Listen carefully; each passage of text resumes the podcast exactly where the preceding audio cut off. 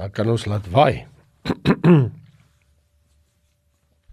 Alles reg? Klank is getoets.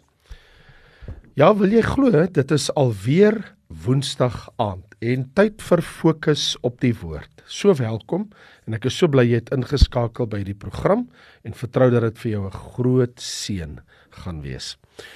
So 'n mens lees in 2 Korintiërs 5 vers 10 want ons moet almal voor die regterstoel van Christus verskyn sodat elkeen kan ontvang wat hy deur die liggaam verrig het volgens wat hy gedoen het of dit goed is of kwaad. In dieselfde asem lees ons in Romeine hoofstuk 14 vers 10. Maar jy, waarom veroordeel jy jou broeder? Of jy ook, waarom verag jy jou broeder? Want ons sal almal voor die regterstoel van Christus gestel word. So ek wil met jou praat oor die regterstoel van Christus wanneer die gelowige voor die Here Jesus Christus moet gaan staan. Want jy sien ons werke moet deur vuur beproef word en dit sal ek net nou vir jou wys uh, in 1 Korintiërs hoofstuk 3. Maar hier's die punt. Daar is 'n baie belangrike ontmoeting wat op elke gelowige se pad langs sal kom en dit is die regterstoel van Christus wag vir my en jou. En volgens die Bybel, die skrifte, is dit 'n uitgemaakte saak. Vriende, ek wil dit aan jou stel. Daar kom 'n dag gewis en seker. Jy kan daarvan seker wees. 'n Dag deur ons se Here bepaal waar elke kind van God voor hom sal staan. En daardie dag sal die maaksel sy maker in die oë kyk. Of anders gestel, op daardie dag sal die skepsel sy skepper in die oë kyk. En hierdie dag wat deur God bepaal is, word vir ons sorgvuldig deur die Bybel omskryf. Ek het nou net vir jou twee skrifaanhalings gegee. Die eerste een was uit 2 Korintiërs 5 en die tweede een was in Romeine 14 en beide sê want ons sal almal voor die regterstoel van Christus gestel word. Of soos die ander een sê want ons moet almal voor die regterstoel van Christus verskyn. Ek dink dit is baie belangrik dat ons net vir onsself die volgende sê. Dit gaan hier oor die feit dat dit is net vir gelowiges alleen. Dit is nie vir sondaars nie. Dit is nie vir mense wat verlore is nie. Die regterstoel van Christus is sy bema. Dis die plek van beloning. Hierdie plek waarheen die gelowige moet gaan, is die plek waar die gelowige se werke beoordeel sal word alle gelowiges moet tog verantwoording doen van hoe hulle geleef het. En hierdie oordeel of uitspraak is nie om te bepaal of iemand die ewige lewe ontvang al dan nie, want die bema is 'n plek van beloning. Ek bedoel, dit staan mos so in 1 Korintiërs hoofstuk 3 dat dit ons werke is wat op die proef gestel word. Ek lees vir jou daar van vers En as iemand op die fondament bou goud, silwer, kosbare stene, hout, hooi stoppels, elkeen se werk sal aan die lig kom, want die dag sal dit aanwys, omdat dit deur vuur openbaar gemaak word. En die vuur sal elkeen se werk op die proef stel, hoe danig dit is. As iemand se werk bly staan wat hy daarop gebou het, sal hy loon ontvang. As iemand se werk verbrand word, sal hy skade ly, alhoewel hy self gered sal word, maar soos deur vuur heen. Ek wil hê jy moet oplet op hierdie woordjie. Elkeen se werk. Die vuur sal elkeen se werk. As iemand se werk bly staan, as iemand se werk verbrand word. So die woordjie wat die heeltyd deurkom is die woordjie werk of werke. Ander woorde, dit is belangrik om daarop te let dat die vuur nie die mens sal beproef nie. Dit gaan nie oor my en jou as mens dat ek en jy moet deur die vuur gaan nie. Dit is die werke van die mens. En die vuur is die van 'n reiniger, nie die van 'n wraakgierige nie. Want die eindresultaat sal wees dat die vuur het baie se werke gelouter sodat hulle loon kan ontvang. Ja, in ander se geval sal die werk uh die vuur baie se werk verbrand, maar die werksman word nogtans gered. Ek dink ons moet 'n gedagte hou as ons praat oor die regterstoel van Christus dat die uitspraak beteken dat daar net omdat dit die regterstoel van Christus is. Dis nie die wit troon oordeel van Openbaring uh, 20 nie.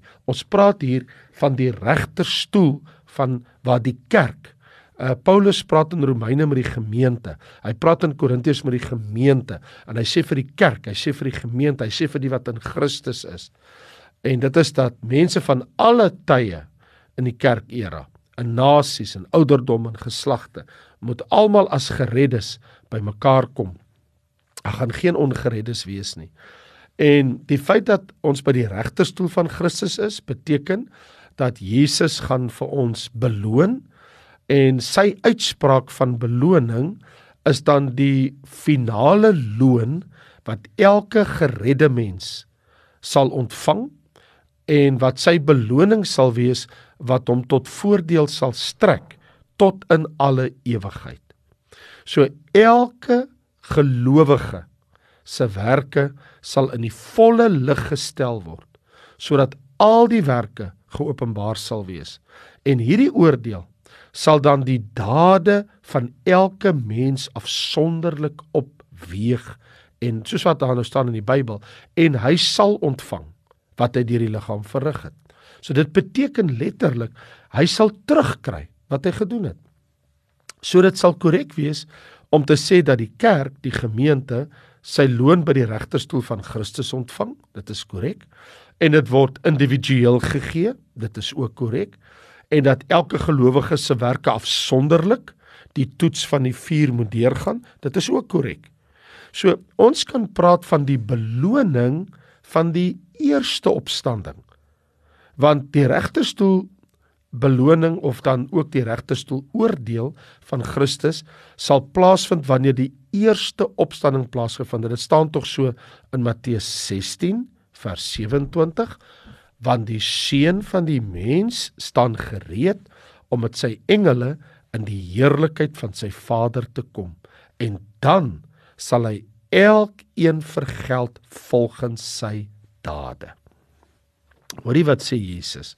Jesus sê die seun van die mens staan gereed saam met sy engele in die heerlikheid van sy Vader te kom en hy sal elkeen vergeld volgens sy dade.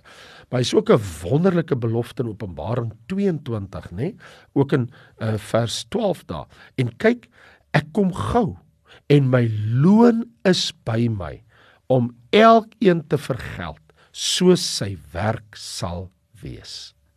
Dis hoekom die Bybel dan ook sê in Openbaring 20 salig is heilig as hy wat deel het aan die eerste opstanding. En Jesus self het vir sy disippels gesê in Lukas 14 dat as jy uh, vir iemand wat behoeftig is iets gee, 'n glas water of 'n sny brood en jy sal gelukkig wees omdat hulle niks het om jou te vergeld nie, want dit sal jou vergeld word in die opstanding van die regverdiges. So dis wanneer elkeen moet lof van God ontvang, soos 1 Korintiërs 4 vir ons leer. So wanneer ons praat oor die regterstoel, dan bedoel ons nie en wil ons hier klem laat val so seer oor die oordeel nie, alhoewel natuurlik is daar 'n oordeel ter sprake, maar die klem val op die beloning aspek. En hierdie regterstoel beloning kan nie plaasvind voordat die wegraping plaasgevind het nie. Ek bedoel uh die woord van die Here is tog baie duidelik dat ons moet almal en as as almal nou al klaar dit ontvang het, ons moet almal saam voor die regterstoel van Christus verskyn. En so ons weet Paulus hy was self van mening in 2 Timoteus 4 dat vir my is weggelê die kroon van die geregtigheid wat die Here die regverdige regter aan my in die dag sal gee, maar nie aan my alleen nie, maar ook aan almal wat sy verskyning lief gehaat het. So hier is 'n baie besonderse ding wat hy klem laat val. Maar kom ons gaan na die basis van die oordeel van die werk. In ander woorde, as 'n mens die vraag vra, maar hoe gaan die Here ons werke beoordeel? In ander woorde, wat is die kriterium van beoordeling? In ander woorde, wat hier geld is die van die werke. Die die kriterium van beoordeling gaan oor God wil ons werke beproef. Ons het mos net nou duidelik gesien, as iemand se werk bly staan, het, sal hy loon ontvang. As iemand se werk verbrand word, sal hy skade ly in 1 Korintiërs 3. So dis belangrik om daarop te let. Het ek vroeër gesê dat die vuur stel nie die, vir my en jou op die proef nie, maar wel ons werke. Dit gaan nie hieroor dat die Here wil ehm um, ons wraak op ons uitoefen nie. Hy's 'n reiniger en wil ons beloon. Maar nou baie aangrypend lees ons van twee soorte uh boumateriaal. Want die teks daar in 1 Korintiërs 3 tussen vers 10 en vers 15 sê as iemand op die fundament bou, goud, silwer, kosbare stene. Dit is een groep, dis edelgesteentes en baie kosbaar. Of as iemand op die fundament bou, hout, hooi, stoppels. Nou dit natuurlik gaan uh verbrand word want ek bedoel dit kan nie die vuur hout hooi en stoppels kan geen vuur se toevarig verbrand word. En natuurlik daar gaan wyd uiteenlopende resultate opgelewer word want wanneer jy hierdie een kategorie van werke vat, goud, silwer en kosbare stene, die toets van die vuur kan dit nie verbrand nie. Ek bedoel, jy kan nou maar 'n blok goud in die vuur gooi en silwer, dit word net alleenlik verder gesuiwer dit laat die as jy goud deur die vuur laat gaan en die vuur is baie warm, dan sal die vuur die goud se onsuiverheid laat opskuim boontoe en dan word dit afgeskep en die goud word maar net suiwerder, maar die vuur kan nie die goud tot niet maak of die silwer tot niet maak nie. So die resultaat van hierdie beoordeling vir die gelowige beteken hy gaan loon ontvang of verlies aan loon. Dit wil sê weerhouding. En natuurlik het 'n mens hierdie tergende vraag en dit is maar wat stel hout hooi en stoppels voor? Eh, kom ek stel dit vir jou in 'n neete dop. Waardelose werke in God se oë. Of as jy wil ek met 'n Bybelteks gebruik om dit te ondersteun, vleeslike werke. Vleeslikheid gaan nie die toets van hierdie vierkant deurstaan nie. Ek bedoel die werke van die vlees kan ons nou sê is houthooi stoppels. En die werke van die vlees is enigiets wat nie Christus se goedkeuring wegdra nie. Dit sal verbrand word tot groot skade, nê? Want vir daai persoon, vir my of vir jou of wie ook al betrokke is, is dit tot groot skade want dan beteken dit dat tot in ewigheid sal daar geen beloning wees nie. Nou, want dit het tog 'n invloed op jou posisie in die koninkryk van Christus, nie net in die 1000 jaar vrederyk nie, maar ook in die res van die ewigheid. Want die gevolge van hierdie oordeel by die bema, die plek waar die beloning moet gegee word want want die Here gaan beloon, maar alleenlik wat beloning verdien.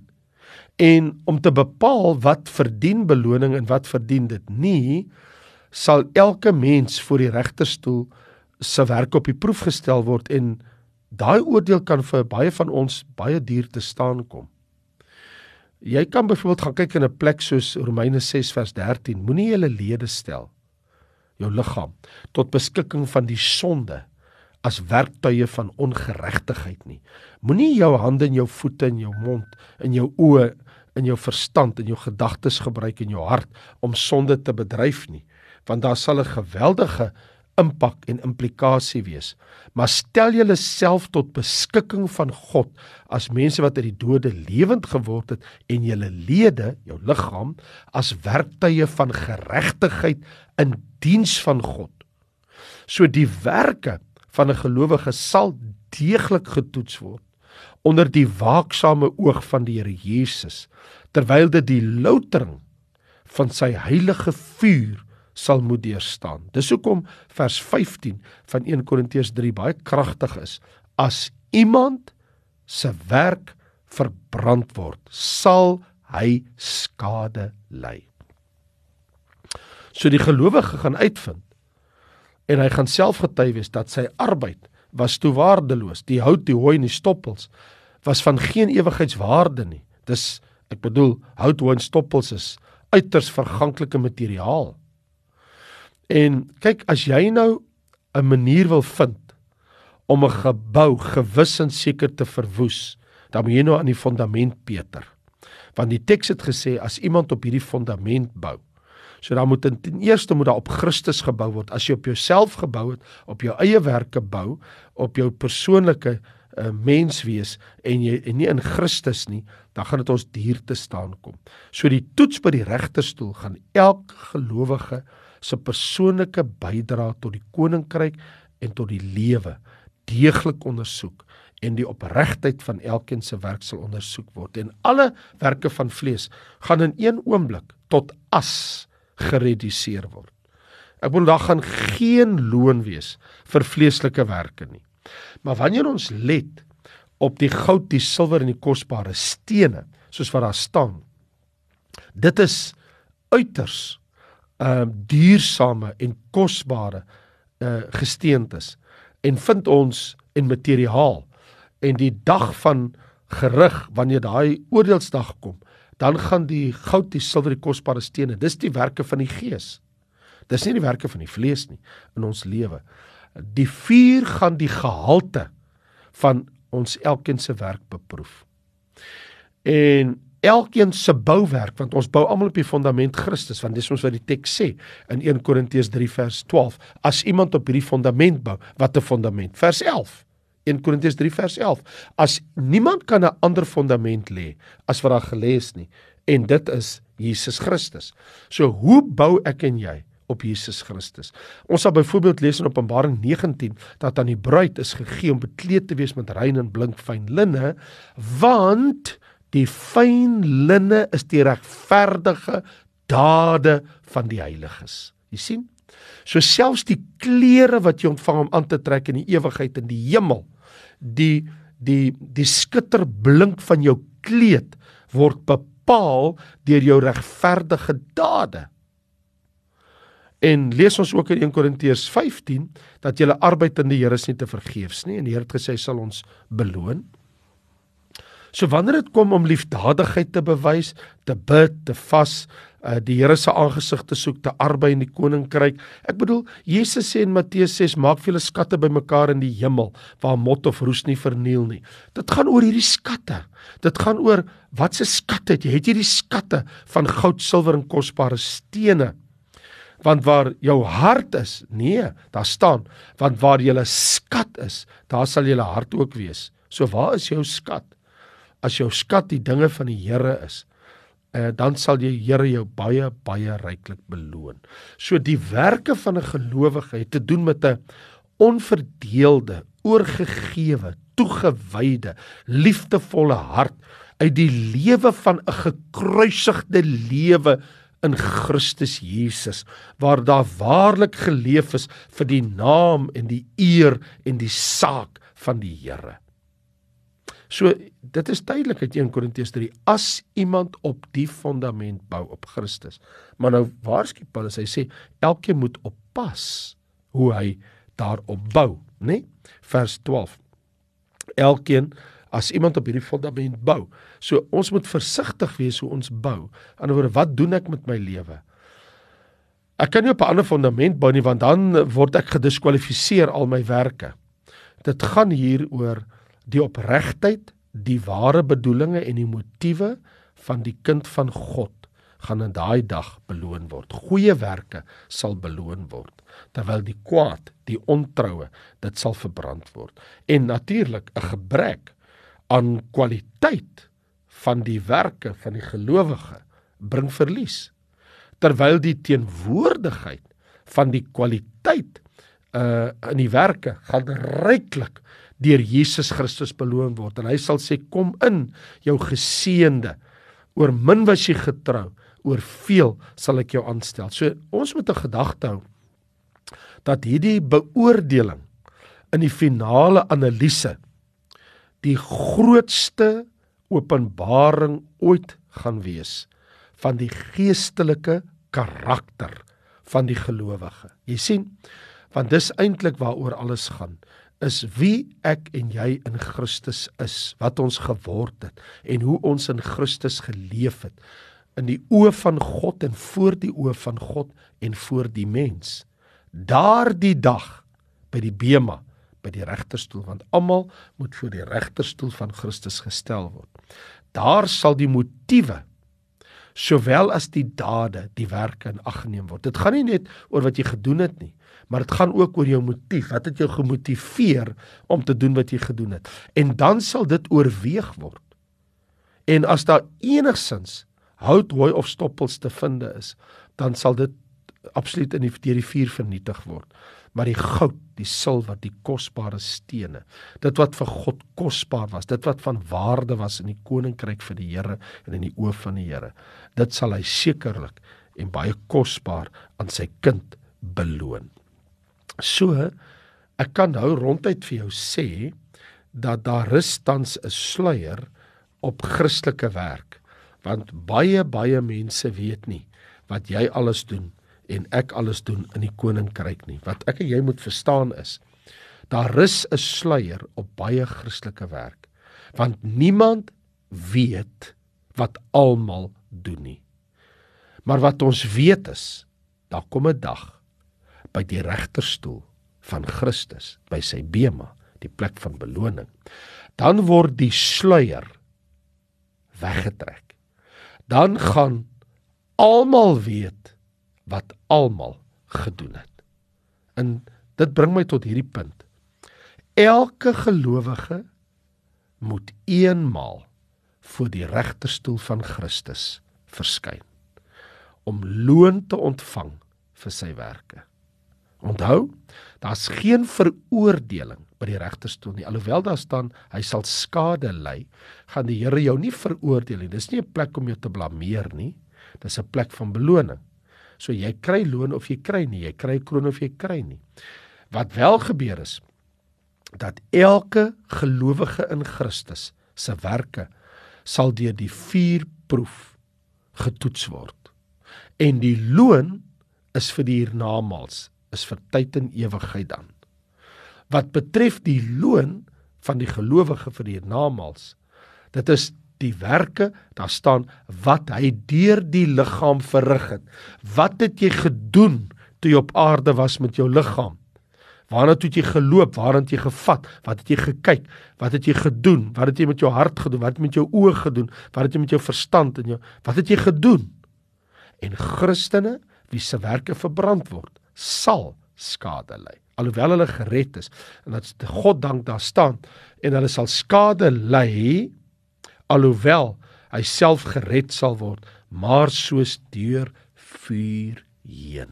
So dit sal 'n vreeslike dag vir baie kinders van die Here wees want daar's niks beloning nie.